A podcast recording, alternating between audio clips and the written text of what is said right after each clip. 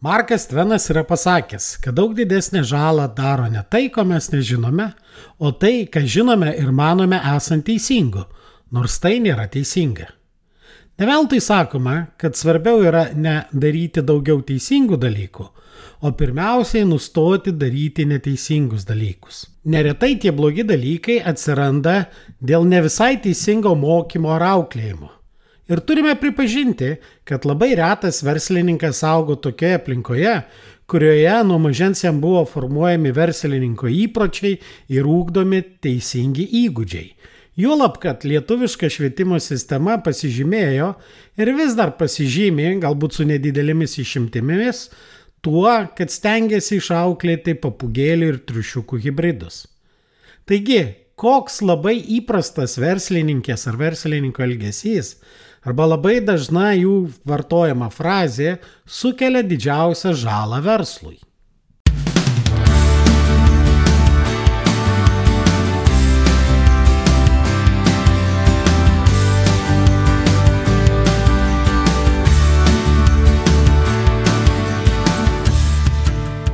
Sveiki, jūs klausotės podkasto Nuo amato prie verslo kuriame tikima, kad verslas turi būti pajamų, pasiekimų ir pasitenkinimo šaltinis, o ne tik kelti stresą ir deginti laiką.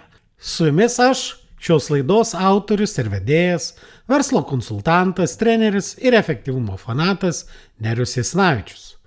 Jūs klausotės 30-ojo tinklalaidės epizodo. Noriu pasidžiaugti tuo gražiu skaičiumi. Internetuose jau 30 tinklalaidės epizodų apie tai, kaip pagerinti savo verslus, kaip didinti verslo pelningumą ir mažinti verslininko laiko sąnaudas. Ir kaip iš tikrųjų atrasti tą laisvę, dėl kurios buvo ryštasi pradėti verslą.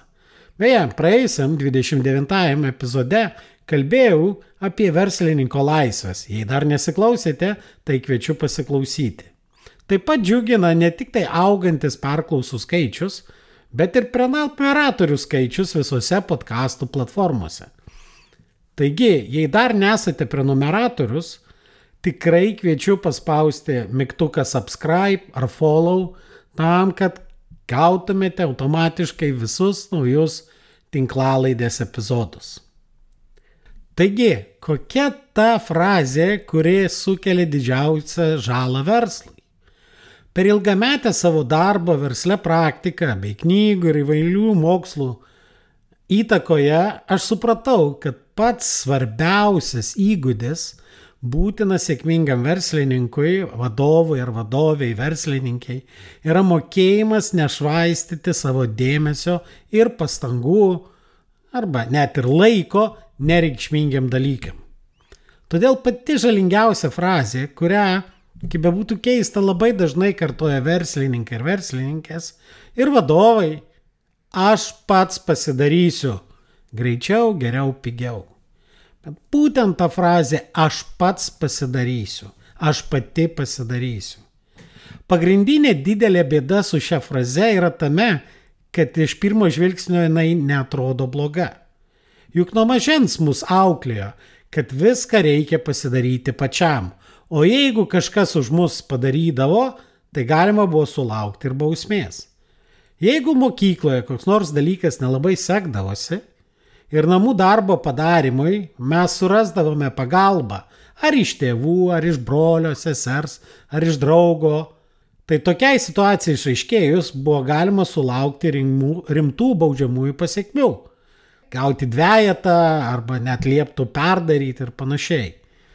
Lygiai taip pat būdavo universitete. Labai svarbu buvo, kad patys padarytumėt, o ne su kieno nors pagalba ar panašiai. Todėl nuo mažens mumise yra augęs toks požiūris, kad pačio padarytas darbas yra daug geresnis, vertingesnis ir kito, kitaip esnis negu kažkieno kito padarytas. Dėl to daugelis verslininkų kai susiduria su vienokia ar kitokia užduotim ar kliūtim, pirmiausiai pradeda galvoti, o kaip tą darbą aš turėčiau padaryti. Beje, kalbant vėlgi apie vaikystę, aš pamenu tokį tarybinį animacinį filmuką, kuriame vienas iš veikėjų, blogas, neigiamas veikėjas, paklaustas ar pastatys skraidantį laivą, atsakė nupirksiu.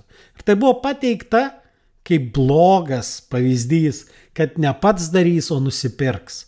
O va pagrindinis herojus, tas teigiamas herojus gerėtis, pats sumaistravo tą skraidantį laivą. Nepaisant viso to auklėjimo, kad pačio padarytas darbas yra daug vertingesnis ir geresnis, ta frazė yra labai labai kenksminga verslui. Kodėl?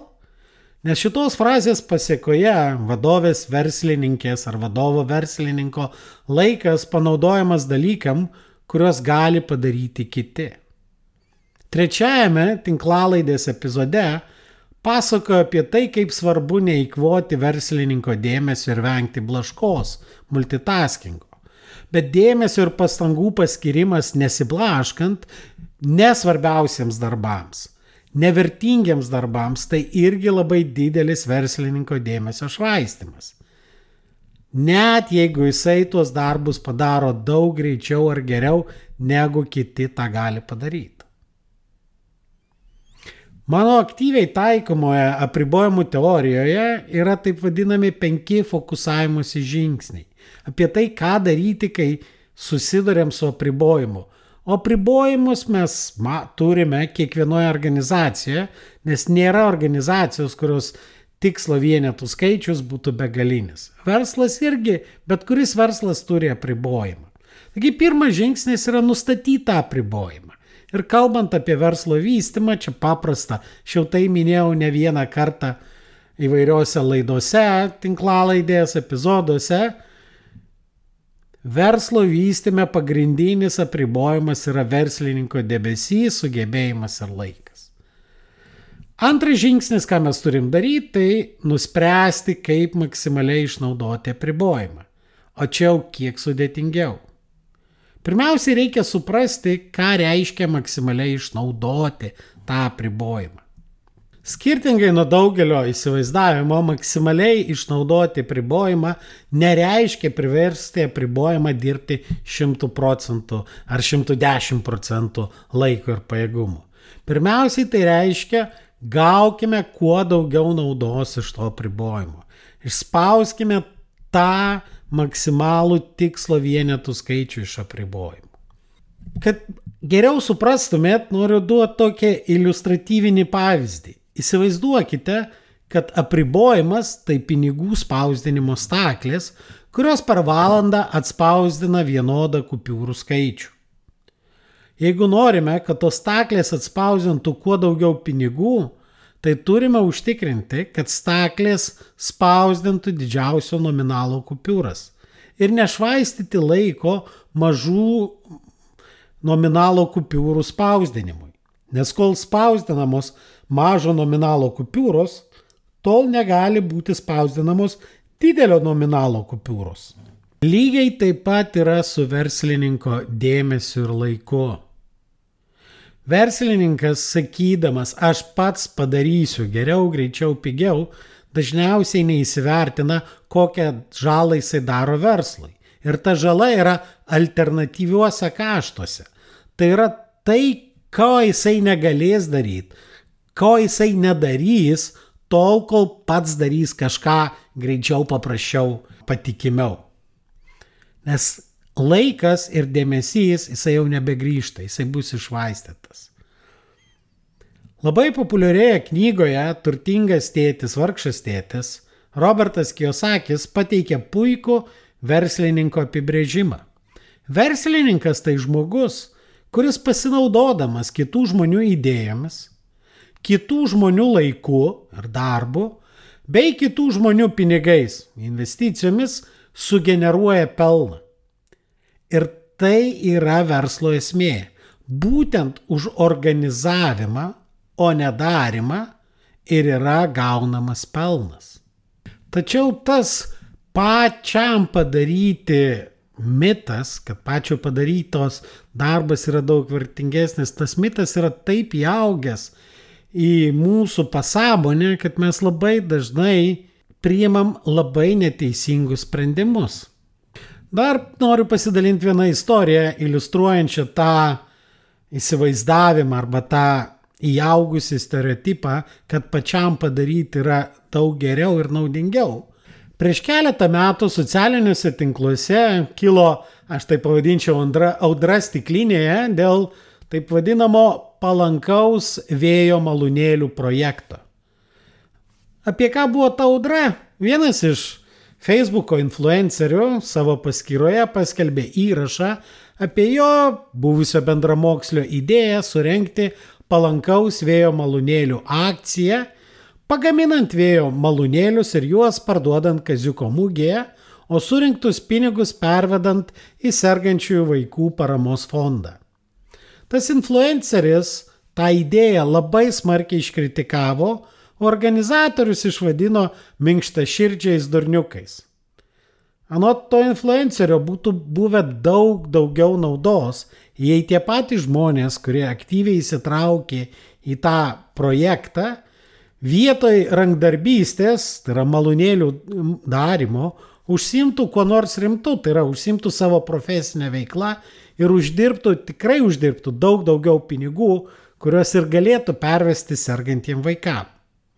Aišku, tokios gražios idėjos kritika susilaukė daug emocingų komentarų, kaip čia, juk taip yra gerai padaryti savo rankom, įsitraukti, pardavinėti ir taip toliau.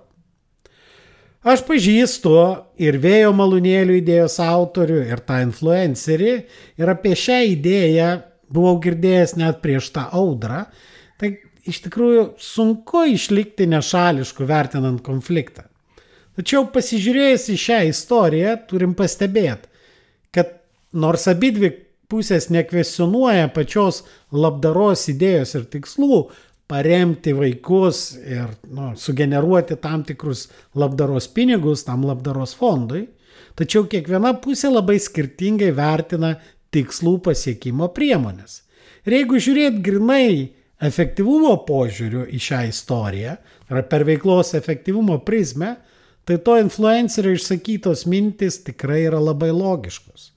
Jei tikslas yra surinkti kuo daugiau pinigų labdarai, tuomet reikia įsivertinti, ar pasirinktas būdas tai tiem žmonėm, įvairiem konsultantam, vadovam ir taip toliau, imti savo rankomis, gaminti ir pardavinėti vėjo malūnėlius, ar tikrai tas būdas pats efektyviausias tam tikslui pasiekti. Iš kitos pusės, Vėlgi yra klausimas, ar akcijos organizatoriam vienintelis tikslas buvo tik tai sugeneruoti pinigų kiekį vaikam, tiem e, sergantiem vaikam, ar vis dėlto tikslai buvo kažkokie platesni. Todėl atsakymas į klausimą, kaip maksimaliai išnaudota pribojimą ir yra sprendimas, kokius darbus turi daryti verslininkas, kokių darbų jisai turi nedaryti. Trečias žingsnis, fokusavimuose žingsnis yra apie tai, kaip subordinuoti visą sistemą maksimaliam apribojimo išnaudojimus. Reiškia, turi atsirasti mechanizmas, ir to jau pašnekėsim, apie tai, kaip nešvaistyti verslininko dėmesio ir laiko. Labai svarbu suprast, kad dėmesio valdymas, verslininko dėmesio ir laiko valdymas yra pagrindas, kuris leidžia susikurti lais, laiko laisvę, iš kurios vėliau galima susikurti ir pinigų laisvę. Be, pamena tuos klausimus iš ankstesnio, tai yra 29 epizodo.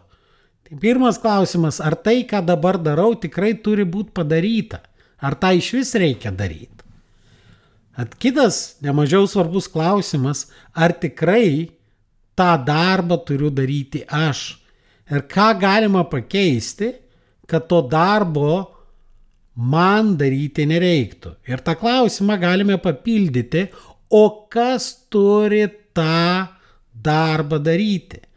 O gar, net jeigu aš turiu tą darbą daryti, visada galim užsiduoti savo papildomą klausimą kas man gali padėti tą darbą padaryti.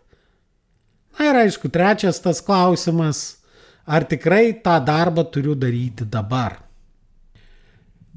Būtent, kad sugebėjimai suprasti, ką ir kam galima ar būtina deleguoti, arba kada reikia pasikviesti pagalbą, ar į konsultantą ar mokytoją yra būtina ir iš tikrųjų labai svarbi kompetencija verslininkui.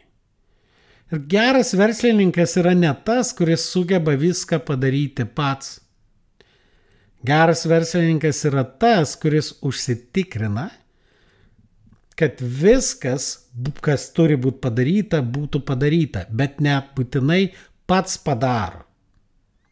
Ir tikrai norėčiau rekomenduoti pasiklausyti antrąjį tinklalaidės epizodą, kuris vadinasi Trys verslo savininko skrybelės. Ir tame epizode aš kaip tik ir kalbėjau apie tai, kokius darbus turi daryti verslininkas.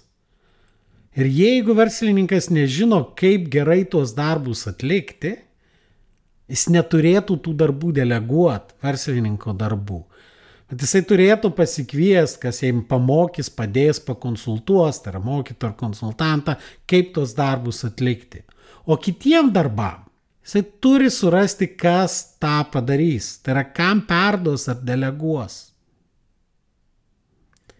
Ir tai užtikrins jūsų verslo augimą, klėstėjimą ir ilgalaikį konkurencinį pranašumą. Nes ten, kur yra verslininko dėmesys, bus progresas. Taip kad atsiminkit, kad frazė aš pasidarysiu pats greičiau ar aš pasidarysiu pati greičiau, geriau, pigiau, tai yra viena iš didžiausių žalų daranti frazė. Kiekvieną kartą tą pagalvodami arba pasakydami, sustokit ir pagalvokit, kaip tą darbą perduoti kitam arba kaip susirasti pagalbą šito darbo darimui. Tai šiandien tiek ir susigirdėsime kituose epizoduose. Dėkoju, kad klausėtės. Ir nepamirškite užsiprenumeruoti šį podcastą, kad visuomet gautumėte informaciją apie naujausias laidas. Taip pat būsiu labai dėkingas, jei įvertinsite šį podcastą palikdami atsiliepimą savo įprastoje podkastų platformoje. O jei pažįstate kažką, kam jūsų nuomonė šis podkastas būtų naudingas, būtinai pasidalinkite. Iki!